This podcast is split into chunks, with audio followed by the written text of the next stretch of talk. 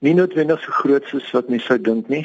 Ehm um, daar word gewoonlik op een van die senior ANC leiers vertrou om as voorsitter by by so 'n vergadering op te tree. In die verlede was dit byvoorbeeld tipies iemand soos minister Jeff Gadebe wat ook die hoof is van beleidskoördinering binne die ANC en dat hy dan eintlik as hy effektief as die voorsitter en koördineerder by die vergadering um, optree.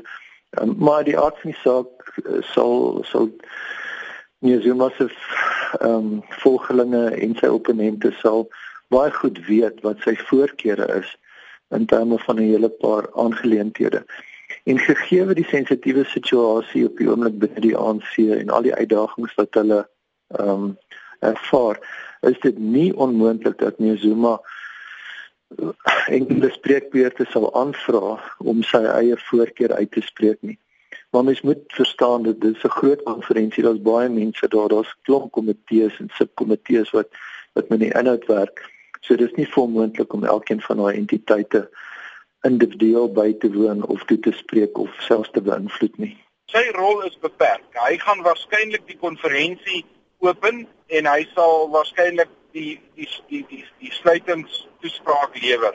Maar die konferensie staan eintlik word georganiseer deur die sekretaris-generaal en die ANC se administratiewe komponent by Letuli huis en die voorsitter is die nasionale voorsitter Baleka Mbete. Maar ek is seker president Zuma sal van tyd tot tyd op plekke deelneem waar hy dink hy moet deelneem. Wat hy doen en dis dis uniek Zuma. Hy hy gaan sit in vergaderings, selfs vergaderings wat oor homself gaan, waar mense sou verwag jy jouself gaan verskoon sodat die mense vrylik kan praat.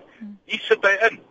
En hy woon baie vergaderings by net om sy teenwoordigheid daar te hê en ek interpreteer dit maar as 'n soort intimidasie tegniek. Baie belangrik dat hy as president van die party natuurlik die leiding moet neem maar ook dat hy by die konferensie 'n uh, presidensiële verslag moet aanbied wat wat hy moet verslag doen oor wat bereik is, wat die situasie en die stand van regering is en ook natuurlik rondom die verwagtinge wat wat in die toekoms belangrik is kan bietjie inligting gee. So hy speel 'n belangrike rol. Dit gaan natuurlik afhang van hoe hy daai rol speel, van wat hy gaan doen, wat in sy verslag gaan wees.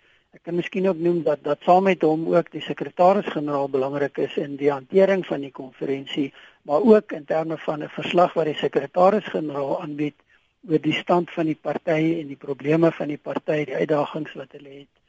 So so dis die twee persone wat 'n baie sterk rol kan speel en behoort te speel